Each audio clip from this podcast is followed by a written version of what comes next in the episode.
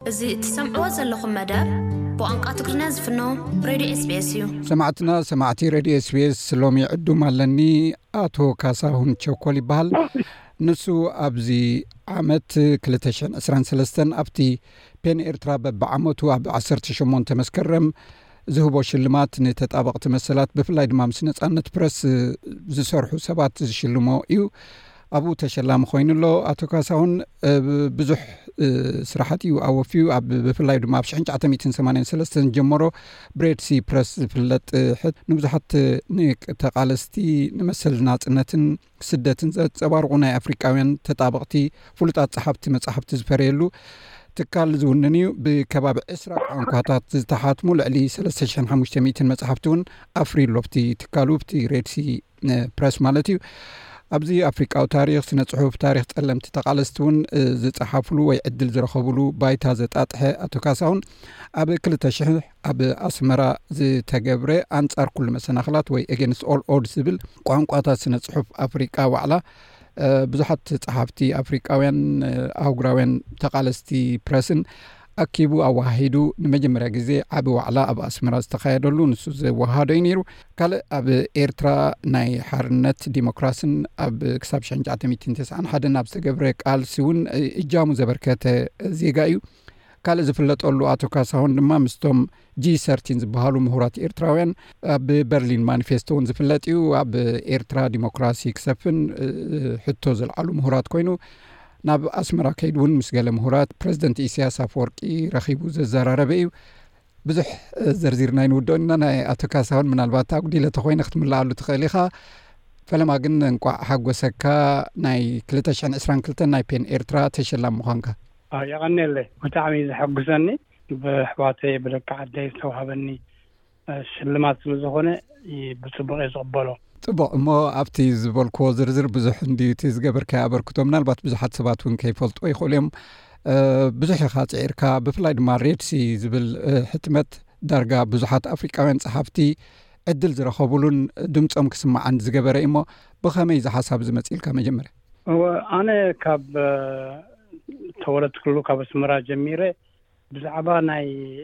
ባህላዊ ጉዳያት ተገዳስነትን ተሳታፍነትን ነይሩኒ ንሕኡ ከዓ ካብ ንእስነተይ ጀሚረ ካብ ቀዳማይ ካልኣይ ደረጃ ሃይ ስኩል ስጋዕ ኣብ ዩኒቨርሲቲ ኣዲስ ኣበባ ካብኡ ናብ ኣሜሪካ መፅኤ ኣብ ቢንግምተን ዩኒቨርሲቲ ዝበሃል ቤት ትምህርቲ ናይ ትምህርተይ ክቕፅል ከለኹ ብዛዕባ ናይ ኣፍሪካ ናይ ነፃነት ምንቅስቃሳት ተገዳስነት ነይሩኒ ኣብኡ እካፈል ነይረ ኣብኡ ካዓ ብዙሕ ተማሂረ ኣሉ ከምኡ ውን ካብ ሰብዓን ሓደን ጀሚረ ኣብቲ ናይ ሃገርና ንሓርነትን ነፃነትን ዝተጀመረ ቃልሲ ተካፊለ ደጊፈ ኣብኡ ውን ኣብቲ ቃልሲታት ዙ ብዙሕ ተማሂረ ኣሉን ተመኪረሉን ስለ ዝነበርኩ ኣብኡ ዝመፀኒ ሓሳባት እምበኣር ካብዚ ቃልስታት ዝተጀመረ እዩ እሱ ከዓ ብፍላይ ከዓ ንሕና ከም ኣፍሪካውያን ፈተውቲ ፍትሕን ሓርነትን ነፃነትን ዝኾንና ብዛዕባና ዝዝረብ ዝስራሕ ዝፀሓፍ የለን እሞ ካልኦት ብዛዕባና ድላዮም ክሓቱን ሓተታ ከቕርቡን ንሕና ግን ርእቶ ከም ዘይብልና ወይ ከኣ ተሳታፍነት ከም ዘይብልና ስለ ዝነበርና እንታይ ይግበር ይከኣል ብዝብል ሕቶ ዝመጸ ተመክሮ እዩ ነይሩ። ሓንቲ ክሊ ከይጠቐስኩ ኣብ ዝሓልፍ ዘመን ኣብቲ ግዜ እቲ ብፍላይ እኳ ኣብ ግዜ ሰማንያታት ንሜክሲኮ ዝበሃል ዓዲ ከይደ ከም መምህር ኣብ ሓንቲ ዩኒቨርሲቲ ኮሌዮ ደ ሜይኮ ትበሃል ይሰርሕ ነይረ። በቲ ግዜ እቲ ናይ ሓሙሽተ ዓመታት ተመክሮ ዝረኣኹዎ ጽቡቕ ልምዲ ናይቲ ህዝቢ እንታይ ነይሩ፣ እቲ ህዝቢ ብቋንቁኡ ብናቱ ጻዕሪ ብባህሉን ኣኽቢሩን ብዛዕባ ታሪኹ ብናቱ ተራኽነት ክጽሕፍን ክሕትምን ንመንእሰያት ከምህርን ክሪኢ ከለኩ ብዙሕ ቅንኣት ሒዙኒ ከምዚ ኣፍሪቃዊ ከምዚ ዓይነት ኣገባብ ዘይብሉ ሃገራት ንምንታይ ንነብር ኣፍሪቃውያንሲ ናቶም ተመክሮ ባዕሎም ክትንትንዎን ከቅርብዎን ዝክእሉ ከለውስ ንሕና ብወጻእተኛታት ጥራይ ኩሉ ግዜ ክንትረክን ክንዝረበሉን ዝኮነሉ ምክንያት እንታይ እዩ ዝብል በቲ ግዜ እቲ እምባር ንሕና ናትና መጻሕፍቲ ዘዘጋጁ ኣሕተምቲ ስለ ዘይብልና ሓደ ካብቲ ጸገም ክፍሊ እዩ ዝብል ስምዒት ስለ ዝነበረኒ፣ ብ ናይንቲን ኤይቲ ስሪ ኣፍሪካ ዎርልድ ፕረስ ዝብል ቤት ማሕተም ከፊተ። ካብኡ'ውን ድሕሪ ሓሙሽተ ዓመት ብ ናይንቲን ኤይቲ ፋይፍ፣ ድሕሪ ክልተ ዓመት ማለት እዩ፣ ብ ናይንቲን ኤይቲ ፋይፍ ረድሲ ፕረስ ዝብሃል ከፊተ። ብናይ ስነ ፅሑፍ ኣቀራርባን ኣዘረጋግሓን ስራሓት ተኻፊለ ኣለኹ ስጋዕ ሎሚ። ሕራይ ማለት እዚ ቀሊል ፕሮጀክት ኣይኮነን ብዙሓት ፍሉጣት ኣፍሪቃውያን እውን ነቲ ናትካ ተቐቢሎም ኣብቲ ናትካ ከሕትሙን ክሰምዑኻን ምኽኣሎም ክሳብ ክንደይ ኣባኻ እምነት ንኸሕድሩ ፅዒርካ ማለትሲ ቅድሚ ሕጂ ዘይነበረ ክትገብር ከለኻ ብዙሓት ፀሓፍቲ ኣብቶም ፍሉጣት ዝበሃሉ ናይ ፀዓዱ ፕረስ እዮም ዘሕትሙ ከም ዝፈልጡ ከዓ ብዙሓት ናይ ኣፍሪቃ ፀሓፍቲ ናይ ናይጀርያ ኹን ናይ ኬንያ ካልኦት እውን ኣባኻ መፂኦም ንኸሕትሙ ብኸመይ ም እምነት ኣሕዲሮም ከመይ ጌርካ ኣፋሊጥካ ነቲ ስራሓትካ ወል እቲ ተመክሮ ክጅምሮ ከለኹ ምስ ቃልሲ ኣተሓዘ እዩ ከምዝበልኩኻ ስለዚ ኣነ ንምሳሌ ኣብ ሽሕን ትሽዓተን ሰማንያን ሰለስተን ኣብ ዓዲ እንግሊዝ እየ ነይረ። በቲ ግዜ እቲ ምስቲ ወዲ ኬንያ ዝተፈልጠ ንጉጊ ዋ ቲያንጎ ዝተባህለ ምስኡ ክራኸብን ክፋለጥን ክኢለ። ካብኡ ጀሚርና ከኣ ጽቡቕ ዕርክነት መስሪትና። ዕላማናን ኣተሓሳስባና ከኣ ሓደ ስለ ዝነበረ እታ ናይ መጀመርያ መጽሓፉ ድሕሪ እስርቤት፣ ካብ በታ ግዜ እቲኣ ካብ እስር ቤት ካብ ኬንያ ወጺኡ ንዓዲ እንግሊዝ ዝተሰደደሉ ግዜ እዩ ነይሩ። ባረል ኦፍ አ ፐን ትብል መጻሕፍቲ ኣሕቲምና ብዙሕ ተሰማዕነትን ተፈላጥትን ጀሚራ። ከምኡ'ውን በቲ ግዜ እቲ ናይ በይሩት ቃልሲ ዝካየደሉ ኣብ ለበናን ብግፍዒ ናይ ናይ እስራኤል ብዙሕ ደም ዝፈሰሉን ብዙሕ ሰብ ዝተቐጠቐሉን ግዜ እዩ ነይሩ። ኣብኡ እውን ሓደ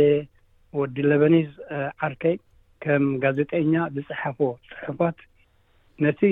ዝካየድ ዘሎ ግፍዕታት ንምግላጽ በይሩት ፍሮንትላይን ስቶሪ ትብል ኣሕቲምና ጽቡቕ ተሰማዒነት ረኺብና ነይርና ማለት እዩ። ስለዚ ካብ ተመክሮ ዝመጸ እዩ። ቀስ ኢሎም በቲ ነገርቲ ኣነ ረጊጸ ዝሓዝክዎን ዝኣምነሉን ምዃኑ ክፈልጡ ምስ ጸኣሉ ብጾት ከሰዕቡንን ክከታተሉን ክድግፉንን ምሳና ከኣ ከሕትሙን ዝጀመሩሉ ግዜ እዩ ነይሩ። ስለዚ ዕድለኛ እየ እቲ ግዜ ኣፍቂድዎ፣ እቲ ቃልሲ ከኣ ኣፋሊጥዎ ማለት እዩ። ጽቡቕ። ምናልባት ናብቲ ናይ ኤርትራ ጽሑፋት ወይ እውን ናይ ኢትዮጵያ እውን ከምኡ ኣቢሉ ዝተጻሕፉ መጻሕፍቲ እሞ ኣብ ዓለም ንኽፍለጡ ዝገበርካዮ ተራ እንታይ ይመስል? ከም እትፈልጦ በቲ ግዜ እቲ ህዝብና ብፍላይ ህዝቢ ኤርትራ ኣብ ቃልሲ እዩ ነይሩ። ንቕጠት ናይ ኢትዮጵያን ንግዝኣት ናይ ኢትዮጵያን ናይ ሃይለ ስላሴን ንኽወፅእ ደሞክራሲያዊ ዝኾነ ሰውራዊ ዝኾነ ቃልሲ የካይድ ነይሩ። ነዚ ደሞክራሲያውን ሰውራውን ዝኾነ ቃልሲ ንዓለም ንምፍላጥ ሓደ ካብቶም ደገፍቲ ኣነ ነይረ። ስለዚ ስርሐይ ኢለ ሒዘዮ ይንቀሳቐስ ነይረ። ካብ ናይ ሓፋሽ ደጋፍነት ወፂኤ ናብ ናይ ፓብሊሺንግ ምስ ኣተኹ ከዓ ናይ ወፃኹን እኳ እንዳቐፀልና ይኹንና ማለት በቲ ግዜ እቲ ንኤርትራ ጠቀስ ዝኾነ ናይ ታሪክ መፅሕፍቲ ናይቲ ቃልሲ ጠንቂ መሰረታዊ ኣገባብን እንታይ ምዋኑ ዘፈልጥ ብዙሓት መፅሕፍቲ ከም በዓል ባዝል ደብድሰን ተኣመሰሉ ከም በዓል ዳክተር በረከት ሃብተ ስላሴ ተኣመሰሉ ዝፅሓፉ መፅሕፍቲ ንሕቲምና ክንዝርግሕ ጀሚርና ማለት እዩ መዓስ እዩ ዝጅምር ማለት እዩ ዝሕዚ ቅድሚ ዛፅነት እዩ ኣነ ዝሕዛሕት ዘዛወካ ዘለዉ ካብ ሰማንያን ሰለስተን ሽሕን ትሽዓተ ሚትን ሰላሳን ሰመን ጀሚሩ ስጋዕ ሽሕን ትሽዓተ ሚትን ስጋዕ ነፃነት ዝወፀት ኤርትራ ግዜ ግዜ ናይንቲን ናይንቲ ዋን ስለዚ ዓብዪ መፅሓፍቲ ብዙሓት መፅሓፍቲ ረኪብና ንህዝቢ ብፍላይ ናይ ወፃእ ዘሎ ህዝቢ ንክርድኦ ንክፈልጦ ክመሃረሉ ዝኽእል ፅሕፋት ኣቕሪብና ኢና ማለት እዩ ዓባይ ካብታ ግዜ ነፃነት ዓባይ ኢልና ዘውፃእናያ ብዳን ኮነር ዝተፅሓፈት ኣገንስት ኦል ኣድስ ትብል መፅሓፍ እያ ምናልባሽ ኣያ ወይ ኣንቢብካያ ትኸዋ ኣንቢበ ኣሎ እታ መፅሓፍ እቲኣ እቲ ቃልሲ ናይ ኤርትራ ካበይ ጀሚሩ ናበይ ከም ዝበፅሐ ኣብቲ ቃልሲ ዝተኸፈለሉ ሰብ ዝረኣየ ዘዘራረበ ዳን ኮነል ዝበሃል ጋዜጠኛ ናቱ ፅሕፍ ኣቢልና ኣሕቲምና ኣብ ኣስመራ እውን ኣመረቅናያ ማለት እዩ ስለዚ ናይ ኤርትራ ጉዳይ ሓደ ንዓይ ካብቲ ፐርሰናል እዩ ብህይወ ብናተይ ዘገድሰንን ዘቆርቁረንን ነገር ስለዝኾነ ቀዳምነት ሂበ ይንቀሳቀስ ነይረ ማለት እዩ ማለት ኣብታ ኣርእስቲ ከይተበልና ኤገንስት ኦል ኦድስ ትብል እውን ካብኣ ድያ ተበጊሳ ብኣስመራ ኣብ ክልተ ሽሕ ድሕሪ ናፅነት ማለት እዩ ዘዳለካዮ ወይ ብኸመ ኖ ምስኡ ተተሓዘ ኣይኮነን ግን ኤገንስት ኦል ኦድስ ኢልና ዝገበርናዮ ኮንፈረንስ ኣብ ክልተ ሽሕ እዎ ግን እታ ኣርእስቲ ካብኣ ድያ ትብገስ ማለት እየ ኣይኮነን ኣይኮነን ኤገንስት ኦል ኦድስ ዝበልናሉ ቋንቋታት ኣፍሪቃስ ኣብ ዓለም ክምዕብላ፣ ክስምዓ፣ ክትርጎማ እንተኾይነንሲ ንዐዐን ዝድግፍ ኣገባብ ክህሉ ኣለዎ። መንግስታዊ ኮነ፣ ህዝባዊ ኮነ፣ ባህላዊ ኮነስ ክህሉ ዝብል ንበልና ገለስ ዝመጸ ይምጻእ ክስራሕ ኣለዎ። ምክንያቱ ኣፍሪቃዊ ቋንቋታት ተጨኲነን ክነብራ ኣይክእላን እዩን ብዝብል ግምት እዩ ጀሚሩ። እታ እተን ስም ኦፍ ኮርስ ይሰማምዓ እየን። ኣብታ ኮንፈረንስ ማለት ኣብቲ እዋን እቲ ከም ዝዝከረኒ ኩናት ናይ ዶብ ኩናት ምስ ኢትዮጵያ ዝነቡ ተወድ ዳርጋ ተወዲኡ ድሕሪኡ ቲጂ ፊፍቲን ዝበሃል እውን ምስ ሕቶ ናይ ዲሞክራሲን ተሓታትነትን ዝፀውዕሉ ዳርጋ ብሕማቅ ኩነታት ማለት ከም ስተርኒንግ ፖይንት ዲና ክንብላ ኩነታት እያ ነራታ እዋን እሞ ብዙሕ ዕማ ግዜ ሕሊፍኩም እውን ዘዳለኹሞ ስለዝኾነ ኣብኡ ብቲ ኩነታት ከመይ ነይሩ ምክንያቱ ዓበይቲ ኣጋይሽኹም ዓዲምኩም ሽዕኡ ካብ ሙሉእ ኣፍሪቃ ካብ ካልእ ዓለም እውን እቲ ኩነታት ከመይ ፀሊዎ እቲ ዝነበረ ሃዋህዋ ኣብ ኤርትራ ፖለቲከኛታት ገሊኦም እውን ዝደስከሉ ነይሮም በዓል ድሩዕ ገለ ኣብቲ ክሳተፉ ዝከረ ንፍቲ ኮንፈረንስ እዚታት ከመይ ነይሩ እቲ ሃዋህው እስኪ ብሓፈሻ ግለፀለይ ምስቲ ፖለቲካ ናይ ኤርትራ ዝኸይድ ዝነበረ ኣብቲ እዋን? ራይት ጽቡቅ ግን ሓንቲ መጀመርያ ሓቤሬታ ክህበካ ዝክእል እታ ኮንፈረንስ ብናተይ ውልቃዊ ኣገባብ ጥራይ ዘይኮነስ ናይ ሓባር ናይ ምስ መሓዙተይ ምስ ኣዕሩክተይ መሳርሕተይ ኮይነ ዝገበርኩዋ እያ ነይራ ካብ ውሽጥን ካብ ደገን እተሰርሐት እያ ግን በይነይ ኮይነ ኣይገበርኩዎን ምንቲ ክታይ ከይመስል ምስ መሓዙተይ ምስ ኣዕሩክተይ መሳርሕተይ ኮይነ እየ ገይረዮ ሕጂ እቲ ዝመጸና ጸገም ዓቢ ጸገም ሎጂስቲክስ ነይሩ። ከመይ ጌርካ እዞም ሰባት ዝዓደምናዮም ካብ ምሉእ ዓለም ካብ ምሉእ ኣፍሪቃ ዝዓደምናዮም ሰባትሲ ናብ ኣስመራ ከመይ ጌርካ ተምጽኦም እዩ ዝበል በቲ ግዜ እቲ ናይ ኤሮፕላንስ ምርኻብ ወይ ከኣ ናብ ኣስመራ ንምምጻእ ቀሊል ኣይነበረን። በቲ ኢትዮጵያን ኤርላይንስ ዓጽያ ነይራ። ካልኦት ካብተን ዓበይቲ ዝበሃላ ከም በዓል ሉፍታንሳ ኮነ ካልኦት ብዙሕ ምንቅስቓሰን ውሕድ እዩ ነይሩ። ስለዚ ብዙሓት ዕዱማትና ካብ ዓዶም ነቒሎም ኒሮጳ ከይዶም ተሳጊሮም ንምድል ኢስት ከይዶም ናብ ኣስመራ ይኣትዉ ነይሮም ማለት እዩ ስለዚ ንዓኣቶም ተወሳኺ ሸኸም ናይ ሎጂስቲክስ ጌርናሎም በቲ ኩነታት እቲ ማለት እዩ እቲ ኩነታት ሕማቕ እዩ ነይሩ ንምሳሌ ኣብ ሓፅር ግዜ ሓደ ግዜ በፆትና ካብ ሱዳን ዝመፁ ኣብ ሱዳን ኣብ ኤርትራን ዘለዎ ውድብ ተዓፅዩ ስለ ዝነበረ ክኣትዉ ይከኣሉን ነይሮም ንዓቶም ከመይ ጌርካ ተእትዎም ነስመራ ዝብል ሕቶ ዓብ ነይሩ ሓጋዚ ኣይሰኣንናን ሓገዝቲ ረኺብና ኣትዮም ከምኡ ክንገብር ግን ምስ ኢትዮጵያውን ኣይከኣልናን ኢትዮጵያውን ዝዓደምናዮም ነይሮም ደረስቲ ስነ ጥበብ ዘለዎም ሰባት እውን ናይ ቋንቋ ክእለት ዘለዎም ሰባት ግን ነስምራ ክንምፅኦም ኣይከኣልናን ምክንያቱ ፖለቲካዊ ኩነታት እንዳኸረረ እንዳኸፍአ ንኸይ ስለ ዝነበረ ነቲ ኮንፈረንስ ዝሕግዝ ኣይነበርን ማለት እዩ ንዓቶም እውን ተዓዲሞም ካብ ዓዶም ወፂኦም ናባና ንክመፁ ቀሊል ኣይነበርን ማለት እዩ ስለዚ ናይ እቲ ዓቢ ጸገም ዘጋጥመና በቲ ውግእ ምክንያት ናይ ሎጂስቲክስ ሕጽዩ ብዝተረፈ ሰብ ብዝገበረ ገይሩ መጽዩ ይገርመካ እዩ ካብ ዝሓሰብናዮ ንላዕሊ ካብ ሙሉእ ኣፍሪቃ መጽዩ ካብ ሳውዝ ኣፍሪቃ ይትበል ካብ ናይጀርያ ይትበል ካብ ታንዛንያ ይትበል ሰባት መጽዮም ኣብቲ ጉባኤ ተካፊሎም ኣሎ ውፅኢቱ ከመይ ነይሩ ማለት ዓበይቲ ሰባት እዮም ናተይ ፕሮፌሰር ዝነበረ ነዛ ማነ ዝበሃል ፕሮፌሰር ካብ ሳውዝ ኣፍሪካ እውን ክሳተፍ ረእየዮ ሽዑ ብቲ እዋን እቲ ዓበይቲ እዮም ማለት እዚ ከምዝፈልጦም ማለት እዩ እንታይ ውፅኢት ረኪብኩምሉ ብድሕሪ እዩ ዝሰዓበ እንታይ ነይሩ ናቱ መቐፀልቲ እቲ ዓብዪ ውፅኢት ኣብቲ ናይ ኣስመራ ጉባኤ ብዝተሳተፉ ጉባኤኛታት ምክንያት ሓንቲ ኣስመራ ዲክለሬሽን ኦን ኣፍሪካን ላንጉጅስ ን ሊትሬቸር ትብል እዛ ማኒፌስቶ ዓይነት ክትብላ ትኽእል ኢኻ ኣውጺእና ናብ ምሉእ ዓለም ክትዝርጋሕን ኣፍሪቃውያን ብፍላይ ኣንቢቦም ክጥቀሙላን ኣብቂዕና ማለት እዩ። በዚ ምኽንያት እዚ ብድሕሪ እቲ ጉባኤ ናትና እውን ኣብ ኬንያ፣ ኣብ ሳውዝ ኣፍሪቃ፣ ኣብ ካልኦት ሃገራት ከም ናይጀርያ ተኸታታሊ ጉባኤታት ተገይሩ ዓቢ ተቐባልነት ረኺቡ ማለት እዩ። እዛ ኣዝመራ ደክለረሽን ሕጂ እታ ቀንዲ መሳርሒት መሰረት ኮይና ማለት እዩ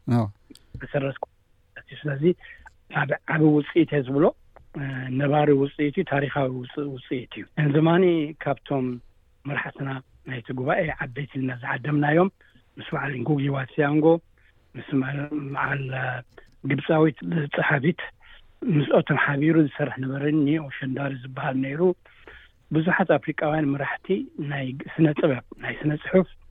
ተካፈለ ነይኑ ዓቢ ጸወታ ተጻዊቱ ካብ ኣስመራ ከይዱ ከኣ ምስ ተመልሰ ንሳውዝ ኣፍሪቃ ኣብ ሳውዝ ኣፍሪቃ ኣነን ካልኦት ብፁዕናን ተኻፈልናሉ ሰከንድ ፕሮግረስ ሰከንድ ኮንፈረንስ ተገይሩ ብፕሬዚደንት ኤምቤኪ በቲ ግዜ እቲ ተቐባልነት ረኺቡ ተፈላጥነት ረኺቡ ኣብ ሙሉእ ሳውዝ ኣፍሪቃ እውን ተዘሪብሉ ተሰሪሕሉ ካሊእ ጉባኤ ኣካይድና ኢና ማለት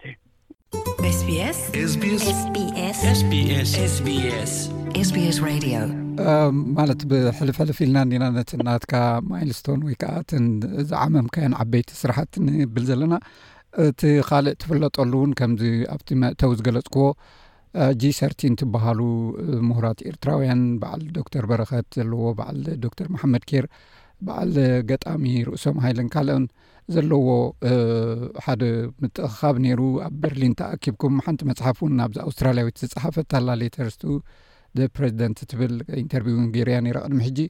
ኣብኡ ዘንበብክዎ ኣሎ ብዙሕ ብዛዕባ ከም ዝተፃሓፈ ማለት እዩ እስኪ እቲ ከመይ ተበጊሱ ኣብ ኤርትራ ብፍላይ ከድኩም ነቲ ፕረዚደንት ኣብ ዝዛረብኩምሉ ኩነታት ቁሩብ እስከ ስእሊ ሃበና ሕጽር ኣቢልካ። እቲ ናይ በርሊን ሰርቲን ተባሂሉ ተጸውዐ ብኣና ኣይኮነን ከምኡ ተጸዊዑ ብደገ ካልኦት ሰባት እዮም ሸይሞምና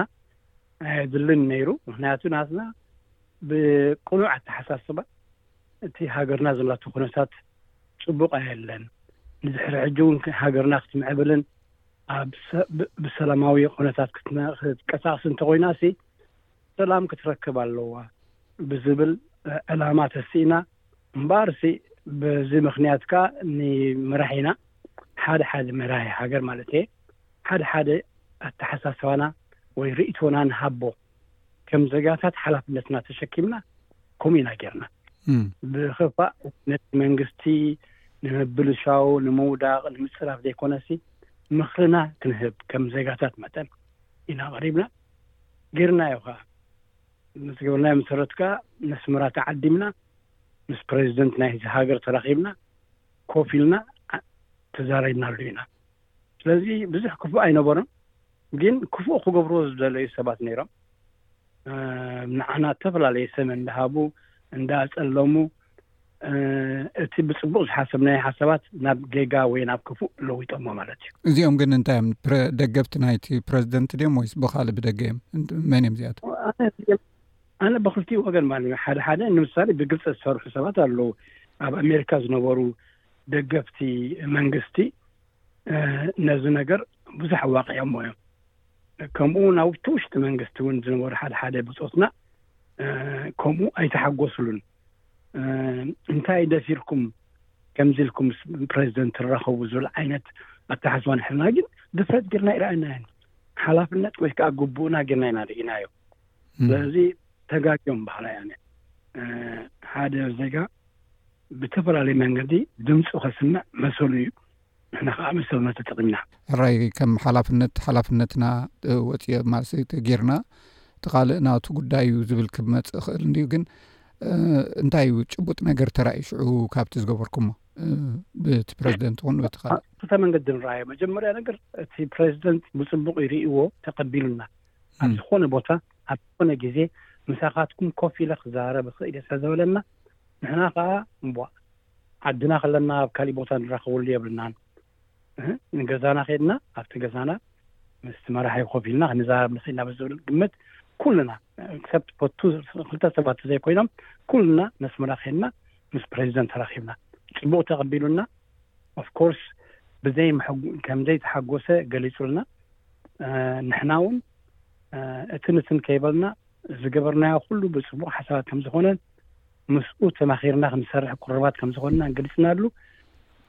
እምበኣር ካልእ ግዜ እውን ክንራኸብ ኢና ተባሂሉ ሰላም ተባሂልና ተሰዓዒምና ኢና ተፈላሊና። ብድሕሪኡ መን እዮም ነዚ ነገር ኣካፊኦሞ ንዓና እውን ጽቡቕ ጌሮም ክሪኡና ዘይደለዩ ሰባት ከም ዝነበሩ ፈሊጥና ስጋዕ ግን ሎሚ ብክፉእ ዓይኒ ዘፍቲ መንግስቲ ወገን ብክፉእ ዓይኒ ይረኣይ ኣሎ ግን እዚ ጌጋ እዩ በሃላይ ኣነ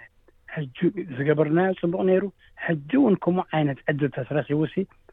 ኤርትራውያን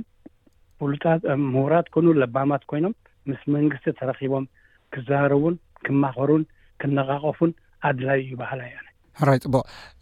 ማለት እቲ ፖለቲካ ከም ዝረእኻዮ ካብ ማለት እንዳገደደ ኣብ ሕማቅ ኩነታት ከም ዘሎ እቲ ከባቢ እውን ይርዳእካ እዩ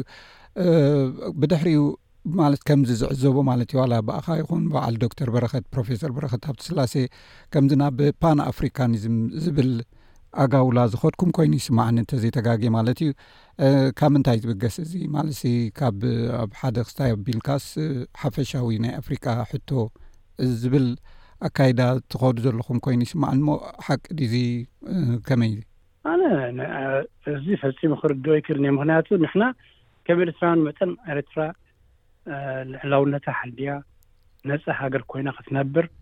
ኩልና ኣነ ዝፈልጦም ሰባት ስጋዕ ሎሚ ዝኣምኑሉን ዝሰርሕሉን ዝኮርዕሉን ነገር እዩ። ስለዚ ብኡ ዘበለ የብሉን። ብናይ ፓን ኣፍሪካኒዝም በዚ ጉዳይ እዚ ኣይኮነን ጀሚሩ ከም ዝበልኩካ ኣቐዲመ ኣነ ካብ ንእስነተይ ጀሚረ ናይ ኣፍሪካን ዩኒቲ ናይ ኣፍሪካን ፓን ኣፍሪካኒዝም ዕላማታትን ኣብ እግሪ ኣቦይ ኮይነ ዝተምሃርኩሉ እዩ። በዓል ጀማል ዓብደልናስር በዓል ክዋመ ንክሩማ ክነቕሉ ከለዉ በቲ ዘምፅዎ ነበሩ ፓን ኣፍሪካን ኣተሓሳስባ ተመሲጥና ንሰርሕ ነይርና ኢና። ስለዚ ኣነ ተወቓዓይ ኮይነ ኣይሪኦን እየ። ብሓባር ክኸይድ ዝኽእል እዩ። ናይ ኣፍሪካ ኣድነት ኣንድነትን ሕብረትን እንዳደለና ከለና ብእውን ንሃገርና ከመይ ገይራ ትምዕበል ከመይ ገይራ ሰላማዊ ኩነታት ትረክብ ዝብል ሕቶሲ ዝዋቃዕ ኮይኑ ፈጺሙ ኣይረኣንን እዩ ስለዚ እቲ ዘሎ ኩነታት ንዓይ ዘሐጉሰኒ ኣይኮነን ናተይ ክዛረብ ስለምንታይ ካብ ሓደ ውግእ ናብ ሓደ ውግእ ንሰግር ኣለና፣ ካብ ሓደ ጸገም ናብ ሓደ ጸገም ንሰግር ኣለና፣ ኣብቲ ናይ ሃገር ምዕባለ፣ Development፣ ዝበሃል ክንኣቱ ምሉእ ብምሉእ ዝኸኣልና ኣይመስለንን፣ ናተይ ጌጋ ክኸውን ይኽእል እዩ፣ ካብ ዓዲ ካብ ዝወጽእ ሕጂ Almost ዕስራ ዓመት ክኸውን ደልዩ ስለዚ ነዚ ከመይ ገርና ንልውጦ ኣብ ዞቦና ዘሎ ሕማቅ ኩነታት ከመይ ገሩ ናብ ሰለማዊ መንገዲ ንልውጦ ኣብ ዞቦና ዘሎ ናይ ደም ምፍሳስ ባህሊ ከም ባህሊ ኮይኑ መጽ ኣሎ ሕጂ ከመይ ገርና ነቋርጾ ካብ ብጥይታት ምትህራም ብቃል ምልልዋጥ ምትህራም ደይመሓሸን ኣብኡሲ ዝግበር ጌርካ ብሰላማዊ መንገዲስ ዘድሊ ኩነታት ዶ ኣይምሓሸን ዝብል ሕቶ ሕጂ እውን ኣድላይ እዩ። ሕጂ እውን ክዝረበሉ ዘለዎ ጉዳያት ኮይኑ ዝረኣየኒ ኣነ ዝስምዓኒ። ስለዚ ንዓና ጥራይ ዘይኮነ ንጎረባብትና እውን ኣብ ሕማቕ ኩነታት ኣብጺሖም። ርኢኻዮ ኣለኻ እዚ ናይ ቀረባ ውግእ ኣብ መንጎ ኢትዮጵያን ትግራይ እንተካየደ ክንደይ ሰብ ተወዲኡ ክንደይ ሰብ ሓሊኡ እዚ ዘድሊ ዝነይሩ ዝብል ሕቶ ኣብ ኣእምሮ ይመፅእ ኣነ በዚ እየ ዝኣመን ብሰላማዊ መንገዲ ንፈትሐ ኩነታት ክህሉ ኣለዎ በሃላ እየ ሕራይ ከም ማለት ንናይ ፕረስ ነፃነት ተጣባቕን ከምኡውን ትሰርሓሉ ዘለኻን ብዙሕ ዓመታትን ሚድ ማለት እዚ ፕረስ ከፊትካ ጽሑፋት ወይ ስነ ጽሑፍ ኣብ ከምዚ ኣብ ሰላም ኣብ ምምጻእ ህዝብታት ንክረዳድኡ ምሕጋዝ ዘለዎ ተራ ከመይ እዩ? በቲ ዘፍረኻዮ ፍርያት ከ ኣብ ናይ ሰባት ኣተሓሳስባ ገለ ለውጢ ንምግባር ኣስተዋጽኦ ገይሩ ዶ ኢልካ ትኣምን? እንታይ እቲ ዝዓበየ ኣቺቭመንት ወይ ከዓ ተመክሮ ካብዚ ስራሕ እዚ? ወል ሓደ ካብቲ ዘሐጉሰኒ ኣነ ሕጂ እውን እንተኾነ ብዙሓት መንእሰያት ኣፍሪቃውያን ብፍላይ ከኣ ኤርትራውያን ናብ መጽሓፍቲ ምጽሓፍን ምቅራብን ከም ፓብሊሸርስ ኮይኖም ንኽጅምሩን ምናልባት ምናልባት ሓደ ኣብነት ኮይነዮም ክኸውን እብል ምናልባት ኩሉ ክረዲት ክወሰድ ኣይክእልን ኣብ ካልእ ቦታታት እውን ከምኡ ምሳይ ተሓባቢሮም ዝሰርሑ ካባይ ወፂኦም እውን ናብ ናይ ፓብሊሽንግ ስራሕ ዝኣተው ብዙሓት ኣለዉ ድምፂ ናይ ኣፍሪቃውያን ድምፂ ናይ ኤርትራውያን ክስማዕ ኣለዎ። ንሓስብ ንፈጥር ሰባት ስለ ዝኾንና እቲ ዝሓሰብናዮን ዝፈጠርናዮን ከዓ ዓለም ክቕበሎ ኣለዎ። ክቕበሎ ዝኽእል ከዓ በቲ ንፈጥሮ ፅሑፋትን ስነ ጥበብን እዩ። በዚ ከዓ ኣነ I'm very proud ኤርትራውያን ይቕፅሉ ኣለዉ በዚ ስራሕቲ እዚ። ይፅሕፉ ኣለዉ፣ ይገጥሙ ኣለዉ፣ ይስእሉ ኣለዉ፣ ብዘሐጉስ መንገዲ ስለዚ ብንእሽተይ ኣገባብ ሓጊዝዎም ይኸውን ክብል ተስፋ እገብር። ከምኡ እውን ናይ ስነ ፅሑፍ ናይ ዘረባን ናይ ጋዜጣን ነፃነት ብጣዕሚ ኣድላይ እዩ። ሓደ ሃገር ብዘይ ስነ ፅሑፍ ብደይ ካልቸር ብደይ ብደይ ናይ ነፃነት ናይ ድምፂ ክምዕብል እዩ ዝበሃል ሕሶት እዩ። ኣይክእልን እዩ ክህሉ ኣለዎ ስለዚ ኣብ ሃገርና ወኮነ ኣብ ኮርት ኣፍሪቃውያን ንክምዕብል ኩልና ክንሰርሖ ዘለና ሓላፍነት እዩ እዚ ከዓ ብግጥሚ ናይ ብውግእ ዘይኮነስ ብሰላማዊ መንገዲ ብደሞክራሲያዊ መንገዲ ክመፅእ ዝኽእል እዩ ብስራሕ ብግብሪ ኣብነት ክመፅእ ዝኽእል እዩ በሃላይ እየ ብጣዕሚ ፅቡቅ ኣቶ ካሳሁን ቸኮል ምናልባት ናይ መወዳእታ ሕቶ ካሓተካ ብዙሕ ኢካ ተጓዒዝካ ብዙሕ መዳያት ማለት እዩ ብፍላይ ምስ ስነ ፅሑፍ ዝተተሓሓዘ ኣብዘን ተሪፈን ዘለዋ ዓመታት ዕድሜካ እንታይ ዝረኣየካ ብዛዕባ ሃገርካ ይኹን ብዛዕባ ውልቃዊ ስራሕካ ዘለካ ክትሪኦ ትምነዮ ነገር እንታይ ወይ ክትበፅሖ ትደሊ የቀንየለይ ወል ናተይ እኳ ንእሽተይ ትምኒት እዩ ብዙሕ ኣይኮነን ኣብ ሃገረይ ሰላም እንድሕር መፅዩ እንድሕር ኣብ ሃገረይ ምዕባለ ተኸፊቱ ብኽፉት ዝኾነ ኣገባብ ክንሰርሕ እንተደኺኢልና ህይወተይ ኣብኡ ክሕልፎ ተስፋ ገብር እዚ ቀሊል ነገር እዩ ሓደ ኩሉ ዜጋ ክምነዮ ዝኽእል እዩ ካብኡ ሓሊፉ ግን እዘን ተሪፈና ዘለዋ ግዜ ምናልባት ኣብዘን ዘሕረፍክወን ናይ ሓምሳ ዓመት ናይ ቃልሲ ዓመታት ብስነ ፅሑፍ ማለት እየ ሓደ ሓደ ተመኩሮይ ኣብ ጽሑፍ ኣቕሪበ ምስ ደቂ